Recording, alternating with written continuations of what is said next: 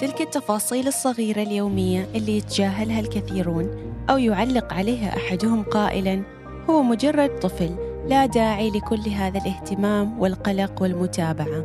هذه التفاصيل هي ما تشكل كل الفرق فالصورة الكبيرة لن تكون بدونها. معكم ابتسام الوردي وأقدم لكم بودكاست وعي وتربية.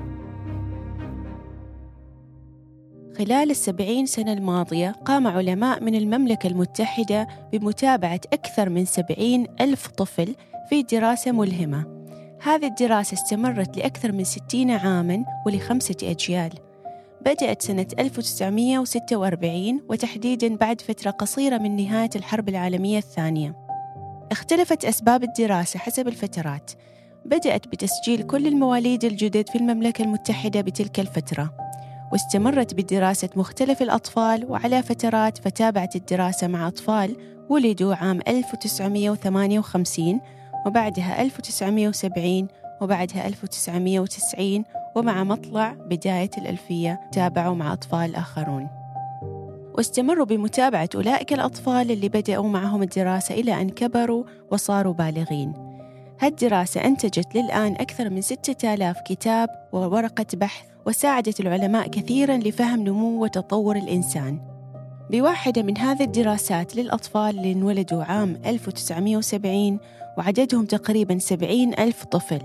وجدوا بأن هناك مجموعة من الأطفال اللي قدروا يتغلبوا على الكثير من الصعوبات بحياتهم وبمختلف المراحل العمرية. وكان مستواهم الدراسي أفضل من أقرانهم وكانوا أكثر سعادة واستقرارا لاحقا بحياتهم. هؤلاء الأطفال كان بينهم نقطة مشتركة وهي اهتمام الوالدين وتركيزهم على بعض النقاط. هالنقاط ليست معقدة ولا صعبة بل كانت عبارة عن التحدث مع الأطفال والاستماع لهم دائما التجاوب معهم بشكل ودي تعليمهم الحروف والأرقام أخذهم في رحلات عائلية والقراءة لهم. بحيث ظهر أن الأطفال اللي كان أهلهم مهتمين بالقراءة لهم بشكل يومي وهم بعمر خمس سنين أكثر اهتماما بالتعليم لاحقا. دراسة أخرى كانت على عشرة آلاف طفل ولدوا في بداية الألفية. وجدوا أن الأطفال اللي عندهم روتين منظم في النوم سلوكهم أفضل من الأطفال اللي لم يكن لهم روتين منتظم وقت النوم. وذلك أثر على سلوكياتهم بشكل سلبي. ووجدوا بهالدراسة نفس الشيء بأن الأطفال اللي اهتم أهاليهم بالقراءة لهم بسن خمس سنين أو حفزوهم على القراءة للمتعة أو كهواية بسن أكبر مستواهم الدراسي أفضل من أقرانهم.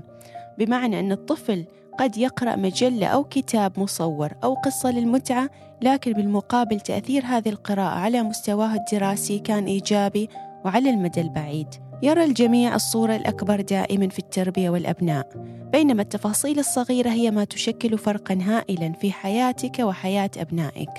تنظيم نومهم الحرص على وقت القراءة والحوار معهم متابعة وضعهم النفسي والقرب منهم والتعاطف معهم الحرص على قضاء وقت ممتع معهم. هذه التفاصيل وغيرها تخلق طفلا سعيدا راضيا اليوم. وشخصا ناجحا متمكنا في المستقبل والتأثير لن يتوقف عندها بل سيمتد لأبناء أبنائك لاحقا. فالتفاصيل الصغيرة تصنع من الطفل شخصا قادرا على العطاء والحب. بينما إهمال كل ذلك يصنع من الفرد شخصا تائها غير قادر على تخطي صعوبات الحياة إلا بشق الأنفس. فقرر اليوم ما الطريق الذي ستسلكه.